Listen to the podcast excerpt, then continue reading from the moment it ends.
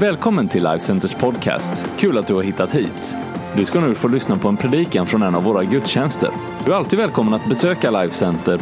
All information du behöver hittar du på lifecenter.se. Jag ska sätta igång med min predikan. Vad sägs om det? Jag gör så här också. Ni vet att när man är borta så här och man blir så kallad campuspastor någonstans, då, då går det åt ens huvud och helt plötsligt beställer man specialdrycker när man ska predika. Eller också så vaknar man imorgon och bara hostar natten igenom. Men när man är kyrka, som vi är kyrka då i Linköping, där vi inte har fasta gudstjänster, vi har inte en byggnad på det sättet, då blir det ju väldigt påtagligt att tala om liksom, vad, vad är kyrka? Eh, när, när vi inte har det som vi i mångt och mycket kallar för kyrkan, när inte det finns där, vad är det då det är? Och det har vi gjort. Vi har gått igenom en serie i Linköping då som vi har kallat Church is. Det är för att vi vill bygga in kultur, vi vill bygga in värderingar, vi vill tala om varför vi gör det vi gör. Så att ni kommer få komma in på slutet på den serien. Jag kommer göra en liten recap av vad vi har tagit innan och så kommer jag ta min sista. Och det är Church is a family. Men ska vi be först? Jag läste en liten rad i Apostlagärningarna i förmiddags eller i morse. Och eh, där stod det liksom när lärjungarna eller apostlarna förkunnade. Stod det sen att, att Herren var med dem och så står det att, att um, ordet visade sig i kraft. Och det där är någonting som jag vill att uh, ska få ske här idag. Men jag kan tala ord. Men Guds ord kommer med kraft. Guds ord är verksamt, Guds ord är levande. Guds ord är det som formar. Så vi ska be att hans ord får göra det hans ord vill göra, det han vill göra med sitt ord. Så Herre Fader, vi bara tackar dig för att du har gett oss ditt ord. Vi tackar dig för att du vill tala till ditt folk, du vill tala till den här världen, Herre. Herre, jag tackar dig Gud för att ditt ord är levande och verksamt, Gud. Så jag bara ber att du ska vara med idag, Herre, att du ska få förstärka det som är ditt ord med kraft, Herre. Herre, jag ber att det som är åsikter och annat, det ska bara få falla undan. Och jag ber att det som är, det som är rätt och det som är sanning, det ska få falla i god jord och det ska få, få forma människor, Herre. Jag ber att det ska få forma oss till att vara den församling du har tänkt att vi ska vara. I Jesu namn så bara ber jag att du ska tala idag. I Jesu namn. Amen. All right. Okej. Okay. Det finns ju flera bilder på vad en församling är i Bibeln. Ni har säkerligen stött på dem. Och under när vi har liksom talat om det här i Linköping så har vi talat om lite olika saker. Vi har dels eh, utifrån egentligen Uppenbarelseboken där det står att anden och bruden säger kom, kom och drick av livets vatten. Utifrån det så har vi talat om kyrkan som, som ett eko eller en förlängning av en inbjudan. Vi får vara den här bruden som förlänger inbjudan. Vi har fått del av det som är, det som förvandlar liv. Vi har fått del av det levande vattnet som är Jesus Kristus. Och vi får förlänga den inbjudan. Det står att anden och bruden säger kom, kom och drick, ta fritt liksom, från livets källa. Och det är vårt liksom uppdrag som församling. Att få ta vidare det vi har hört. Att få sprida evangelium. Att få tala om han som kan förvandla liv. Har vi inte det, då har vi ingenting att gå med. Utan att få bara säga att, men vet du vad, vi har blivit välsignade och vi tror att för att vi har blivit välsignade så kan vi få vara till en välsignelse. Det är en av de primära grejerna vi behöver komma ihåg som församling, som kyrka. Att vi har någonting som vi ska ge vidare. Det ska inte stanna här med oss. Det ska inte stanna inom de här ramarna, utan det ska ut. Och det är fritt och det är förintet. Joel har också talat om kyrkan som en kropp. Det är också en bild av församlingen. Vi alla har en del. Vi har alla en plats. Och att vi hör ihop, vi fogas samman. Vi är inte samma del, men vi är samma kropp. Vi har olika funktion, vi har fått olika gåvor, men vi är en och samma kropp. Och huvudet för den här kroppen är Jesus Kristus. Andra bilder är att, ehm, att vi är ett salt och ett ljus för världen. Vi ska få påverka den här världen. Jesus säger att han inte tar oss ur världen, han sänder oss till den. Men i det att vi blir sända till den så ska vi inte leva av den. Vi ska vara annorlunda. Vi ska vara salt och vi ska vara ljus. Vi ska påverka det här. vi ska visa på ett annat sätt att leva. Inte för att det är det andra sättet att leva som frälser människor, utan vi har blivit frälsta och därför börjar vi leva på ett annat sätt med andra värderingar. Men det pekar på någonting. Okay? Vi ska få vara det saltet och vi ska få vara det ljuset. Det står om församlingen att, att det är en byggnad med Jesus Kristus som byggnadsmästaren eller som hörnstenen. Och igen då, då är det inte den här fyrkantiga bruna tegelbyggnaden. Utan det är vi som, hela Guds församling, alltså inte bara vi som sitter här, utan alla som kallar Gud sin fader och Jesus Kristus som sin Herre. Alla är en del av den här byggnaden, okej? Okay? Och det är någonting som vi blir tillsammans, som Gud fogar samman.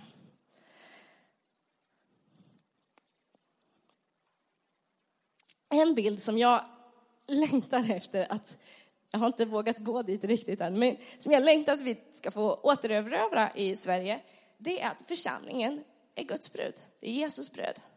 Det finns något som är otroligt vackert i det här när Jesus talar om relationen han har till sin församling.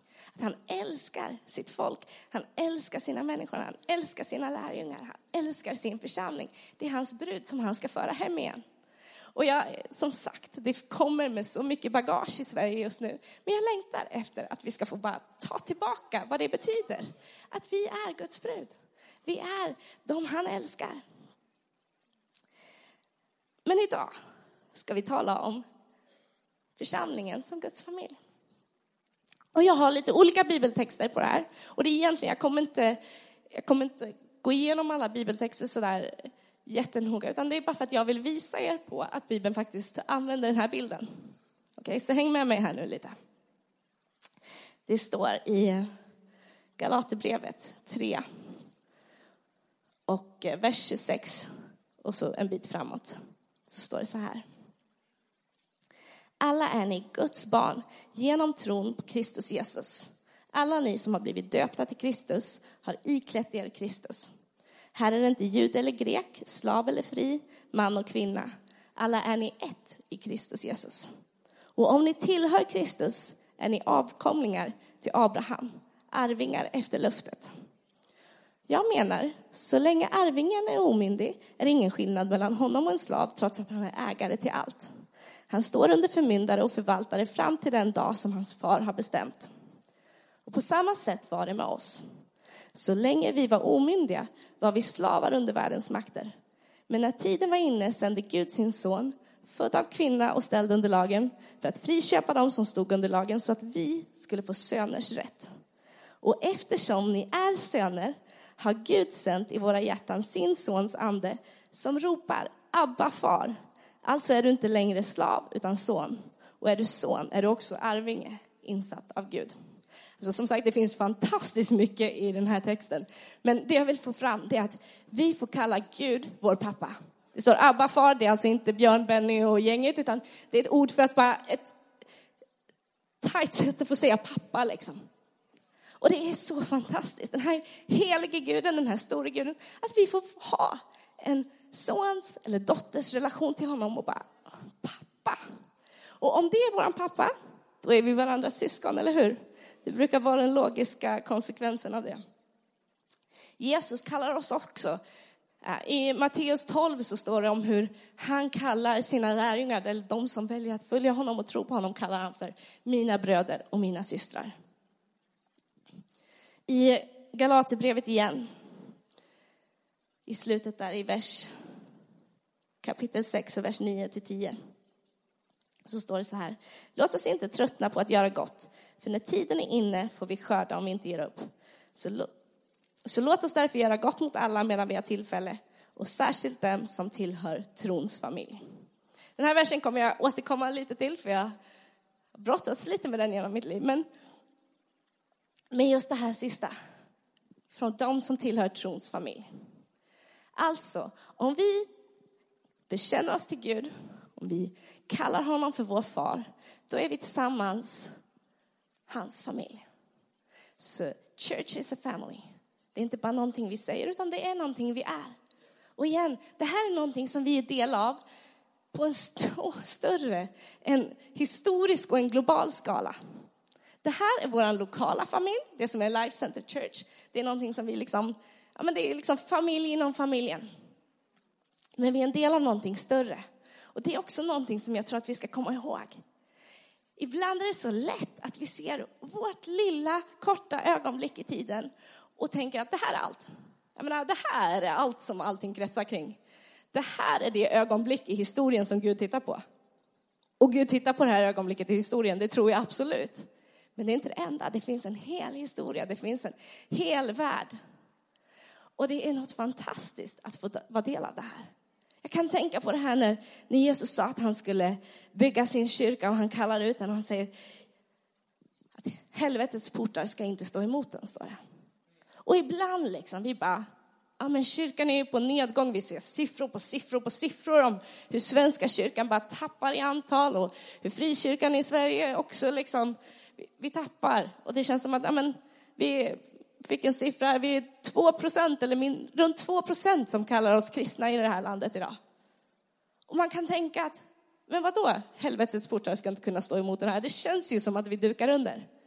Men kom ihåg då det globala arvet, kom ihåg det historiska arvet, kom ihåg vad vi är en del av på en större skala. Det är någonting med den här kyrkan, det är någonting med Guds brud, det är någonting med hans församling som gör att hon bara är relentless för att han har sagt att han ska bygga henne. Han har sagt att han ska föra henne igenom. Han har sagt att han ska vinna seger för henne. Okay? Så hon är inte på undergång. Okej, okay, det var bara en väldig passus, men, men så här. Men det finns vissa saker som utmärker en hälsosam familj. Och det tänkte jag att vi skulle bara lyfta lite här idag. Och nu vet jag att man kan ha olika man kan ha olika bilder med sig, man kan ha olika egna historier med sig. När jag säger att Gud är vår far och vi är en familj. Det är inte alla då som direkt går till någonting positivt. En del har haft en pappa som inte är bra. En del har haft en trasig familj. Men jag ber att du här idag ska, vet du vad, jag tror att faktiskt Gud kan göra någonting. Jag tror att han kan hela det. Jag tror att han är verksam. Här ber jag att det här ska få vara kraft i Guds ord. Att det ska få visa sig kraftfullt. Att någonting ska kunna ske i dig. Att någonting ska kunna bli helat i dig. Men jag vill också att du ska kunna lägga den bilden lite åt sidan och bara tänka, hur skulle en bra familj se ut? När du tänker hur du hade velat att din familj fungerade. Lyft fram den bilden, okej? Okay? För det är den bilden som är den bilden när vi talar om att vi är Guds familj. Det är inte en trasig familj, det är inte en våldsam familj, det är inte en brusten familj. Utan det är en familj som Gud har tänkt familj. Okay? Så I en hälsosam familj så finns det olika saker som, som är utmärkande. En sak med en familj det är ju att den hålls, ham, hålls samman generellt av ett namn och av ett DNA. Det är någonting i en familj som gör att vi påminner om varandra. Jag vet en gång när jag var yngre, ung tonåring någonstans, och jag var till eh, en kompis på västkusten. Vi är ute och går någonstans och vi möter en kompis till henne. En kille som jag aldrig har träffat i hela mitt liv. Och den här killen, han bara tittar på mig. Han känner ju henne liksom. Så han hälsar på henne och så tittar han på mig och han bara, du måste vara Peder Malms dotter. När man är en ung tjej, en ung tonårstjej, då är inte det, jag älskar dig pappa, men det var inte vad jag ville höra. Men tydligen så fanns det någonting i mitt DNA som gjorde att eh, det finns en viss likhet. Det finns vissa drag som gör att jag är lik honom. Och så är det när vi är Guds familj och Gud är vår pappa. Att det ska finnas någonting i oss som gör att vi påminner om varandra. Det ska finnas någonting som gör att vi utmärker oss.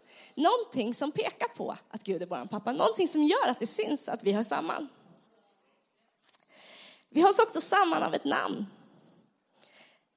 Vi representerar Kristus. Menar, från början, det står någonstans i Apostlagärningarna att det var i Antiochia som, som de lärjungarna de först började kallas för kristna. Namnet kom ju utifrån att de var lika Kristus. Det här är namnet som vi bär. Jag eh, hörde att, eh, eller jag såg någon debatt någonstans, det är någon samhällsdebattör som var inne på att, men han liksom hade skrivit på sin Facebook att kan inte ni kristna, kan inte ni bara ta ett annat namn? Kan inte ni kalla er för någonting annat? För att vi vill kunna säga att vi har ett kristet arv, att vi är ett kristet land, eller liksom, det är mer våran tradition utan tron. Så han skriver kan, kan inte ni bara ta något annat liksom? Och blir jag lite så här frustrerad. Och så blir jag utmanad. Men jag blir frustrerad för att om det kommer utifrån att vi är lika Kristus, ska någon annan få ta det namnet? Eller är det mer så då att, okej, okay, om det är så de ser det, ska vi ta en utmaning? Tycker de att vi inte riktigt lever upp till det? Behöver vi tänka till? Men vänta lite nu, om de inte kan se på mitt liv att jag är kristen, då kanske jag också är väldigt nära att ha det som en tradition. Det ska ju vara någonting som andra kallar mig för att de ser någonting i mitt liv.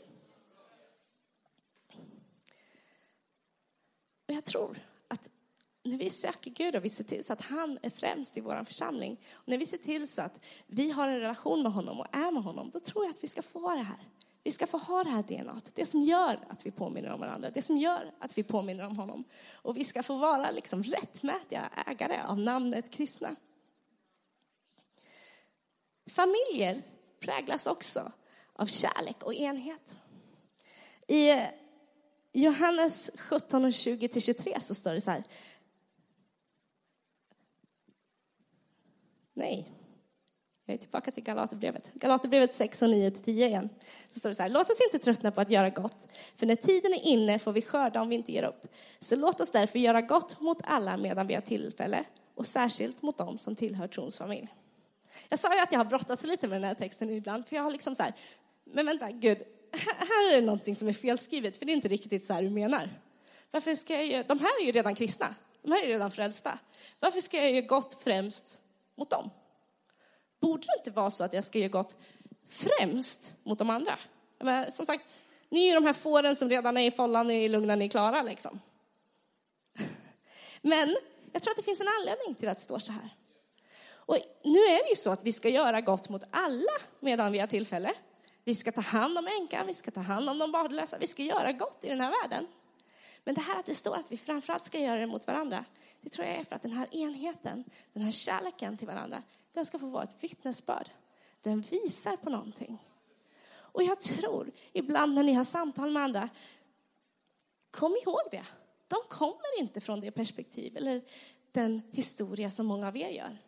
Jag vet att ni har talat med kollegor ibland och man, man kommer in på någonting som är lite djupare och de säger saker som så här, vet du vad, jag har inga jag kan prata om sånt här med.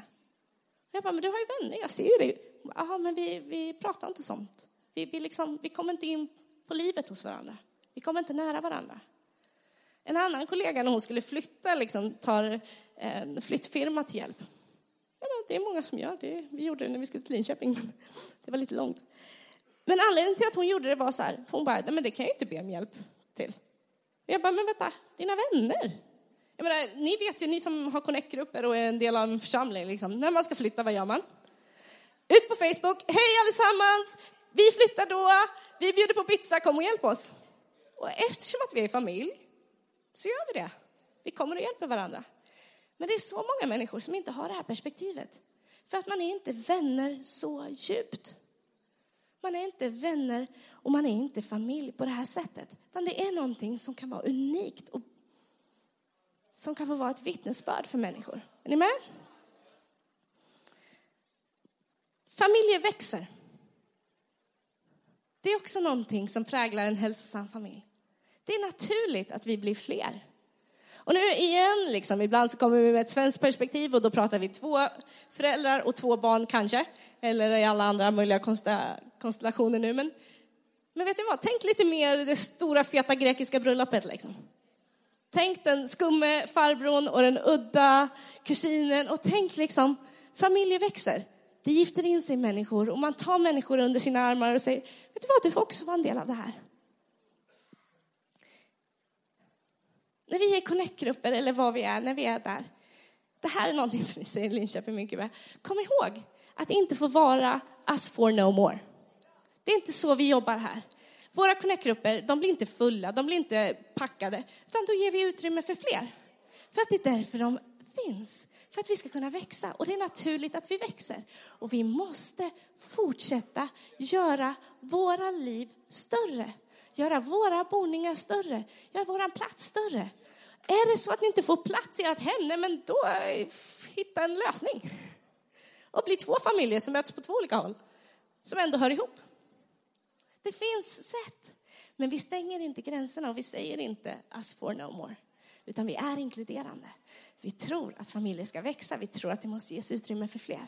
Och vi tror framför allt att vi måste vinna fler. För att det är det som är vårt mandat och det är så vi primärt ska växa. Familjer fostrar mogna individer. Det står att målet för vår gemenskap är att vi ska få nå fram till fullheten i Kristus. Det är rätt häftigt. Vi ska få bli mogna i honom. Vi ska få förstå och kunna avgöra vad som är rätt. Vi ska kunna leva liv som tydligt är präglad av honom. Och det sker i en hälsosam familj att man uppfostrar varandra. Jag menar, om jag, våran två, treåring liksom, om inte jag fostrar honom, då kommer han bli en, och fortsätta vara en egoistisk vilde. En härlig, rolig sådan, men, men han behöver fostran. Och vi har ett mandat som familj att fostra varandra i kärlek. Inte att vi kommer över varandra och försöker läxa upp varandra, men att vi ser till varandras bästa. Och vi ser kanske, men du vet du vad? Om du lever så här, jag menar Gud älskar dig, du är frälst. Men det här, du kan ta dig ur dina skulder om du inte lever med ditt kreditkort och använder det hur som helst. Vet du vad, det finns ett bättre sätt. Och vi ska kunna vara det för varandra, vi ska kunna hjälpa varandra. Vi ska kunna lära varandra hur vi söker Gud och hur vi läser hans ord. Sitta tillsammans och tala om det. Det här brottas jag med, hur gör du? Eller i familjer, okej. Okay. Anna-Karin och Magnus. Alltså, ni har uppfostrat två fantastiska barn. Hur gör man? Och att inte komma med prestige, liksom, utan faktiskt våga säga så här, men vet du, hjälp mig, vi är familj. Vi är i den här sitsen, vad kan jag göra? Hur, hur, hur har ni gjort? Kan jag lära mig av er? Och i den här gemenskapen där vi får fostra varandra, då står det så här att det är en gemenskap där vi ska acceptera varandra. Romarbrevet 15 och 7, ni får många bibelord här. Men det står det så här, må uthållighetens och tröstens Gud hjälpa er att vara eniga med varandra efter Kristi Jesu vilja, så att ni alla med en mun prisar vår Herre Jesu Kristi Gud och Far. Ta därför emot varandra, så som Kristus har tagit emot er till Guds ära. Det är här vi säger att church is that party that everyone's invited to. Det är okej okay att det blir lite messy. Det är okej okay att det blir lite stökigt. Det är inte ordningen och formerna som är det viktiga, utan det är att människor får tag på Gud och att de växer med honom. Okej? Okay? Så det är okej okay att det blir lite stökigt. För vi accepterar varandra. Som jag var inne på, vi instruerar och förmanar varandra. Det är från Romarbrevet 15 och 14. Mina bröder, för min del är jag övertygad om att ni själva är fulla av godhet och uppfyllda av all kunskap och att också ni kan förmana varandra. Jag går tillbaka till kollektgruppen här en liten stund. Jag bara tar chansen medan jag står här. Det kanske är så att du tänker så här, men jag är inte redo för en kollektgrupp. Men vet du vad, har du växt upp i Guds hus? Har du läst Guds ord? Är du en efterföljare av honom? Det är klart att du kan vara med och starta en Connect-grupp. Det är klart att du kan ta ett gäng och bara, vet du vad, jag kanske kan få vara lite stora syster för det här gänget. Jag kanske kan få vara lite andlig, andlig far eller andlig mor för det här gänget. Och bara hjälpa dem ta deras eh, issues på allvar och låta dem prata och låta dem liksom komma igenom och låta dem brottas med vissa saker. Gå vidare. Jag kanske kan ta det. Vet du vad? Jag kanske inte behöver låta mitt liv kretsa bara så mycket kring mig, mitt och, och mina. Liksom. Utan jag kanske kan göra mitt liv större. Öppna upp mitt hjärta lite mer. Det står att vi ska betjäna varandra. Att vi är kallade till frihet men att vi inte ska låta den friheten ge köttet något tillfälle utan tjäna varandra i kärlek. Här kommer de här grejerna in som att vi hjälper varandra att flytta. Eller vi hjälper den ensamstående mamman att, att vårstäda eller handla. Tänk om vi kan utmanas i det ännu mer också. Men vet du vad, jag ser ju att du inte hinner veckohandla. Kan du ge mig din lista så ordnar jag det när jag är iväg. Är det någonting ni kan göra? Kan ni stretchas lite mer i ert tänk och inkludera varandra lite mer? Och komma vid sidan av och bära varandras bördor lite mer? Utmanar jag er lite idag? Är det okej? Okay? Det står att vi ska ha tålamod och kärlek till varandra. Igen, det här kommer att reflektera Guds kärlek till världen. Att vi inkluderar människor. Att vi är generationer så här. Var annars än i kyrkan så här möts generationerna. Jag tycker att det här är ett arv som vi måste komma ihåg och fortsätta ta vara på. Att vi har barnen, vi har tonåringarna, vi har de unga vuxna, vi har småbarnsföräldrarna, vi har medelålders, vi har de äldre. Och vi möts tillsammans. Vi blir inte så här, ja men vänta, vi är lika så vi hänger. Men hon där, hon är lite annorlunda så hon får hitta ett annat gäng och en annan crew. Ja, nej men det är inte vi. Bryt upp med dina vanor lite och inkludera människor.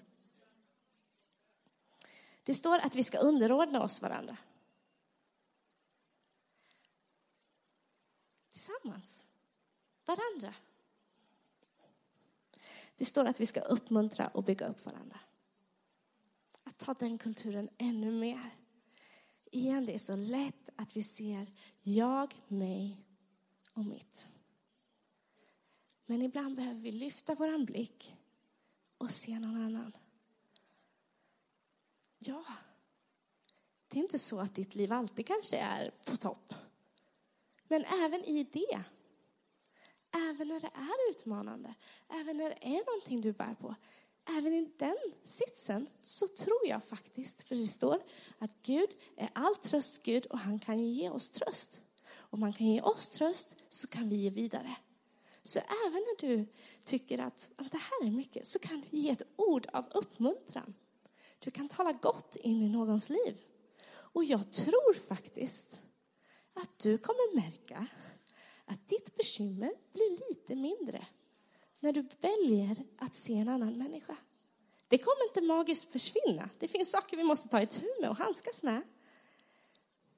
Men din ande lyfts. Jag är övertygad om det. Jag är övertygad om att du kan på många sätt ta dig igenom tunga perioder genom att välja att se till Gud och se andra människor. Okej? Okay? Så jag kan be teamet komma upp här.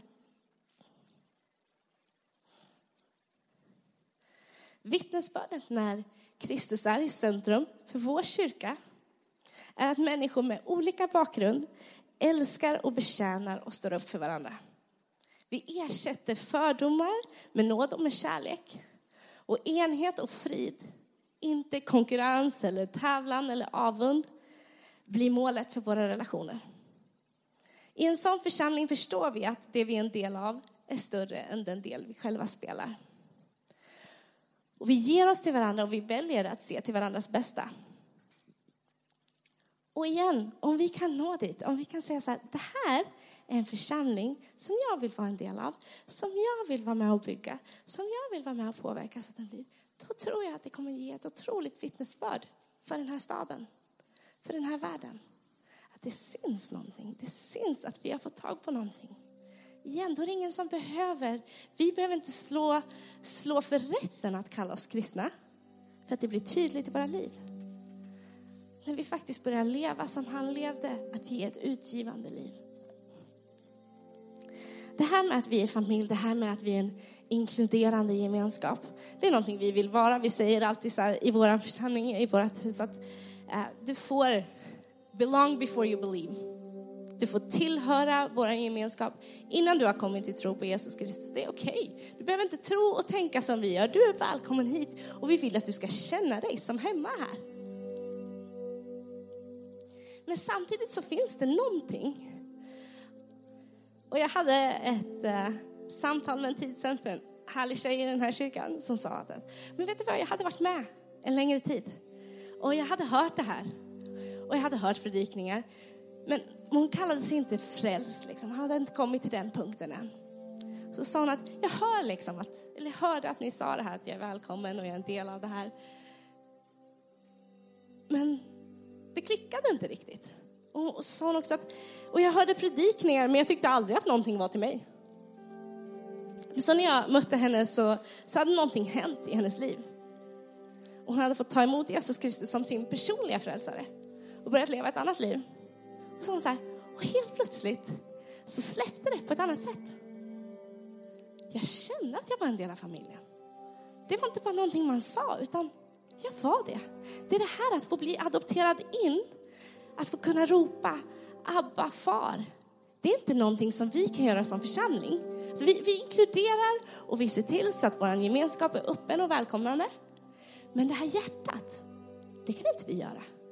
Det här att få förstå, att få anden som ropar Abba far, det är bara Jesus Kristus som kan göra det. Och det klickade när hon tog emot Jesus. Och likadant så sa hon, och helt plötsligt så tycker jag att alla predikningar var till mig. Och var de inte till mig i den här sitsen så var det liksom någonting jag kunde använda framöver. Och det finns någonting som vi som kyrka inte kan göra när vi är en klubb eller förening. Utan det finns någonting som bara Jesus Kristus kan göra i ditt liv. Och i våra gudstjänster, i varje gudstjänst som vi har, så vill vi alltid ge den inbjudan. Vi vill alltid utmana och ge människor tillfället att säga, vet du vad, jag vill faktiskt vända om och ta emot Jesus som min Herre. Jag vill faktiskt leva ett nytt liv för honom och jag vill ta del av hans ande. Så vi ska göra så att vi står upp allesammans.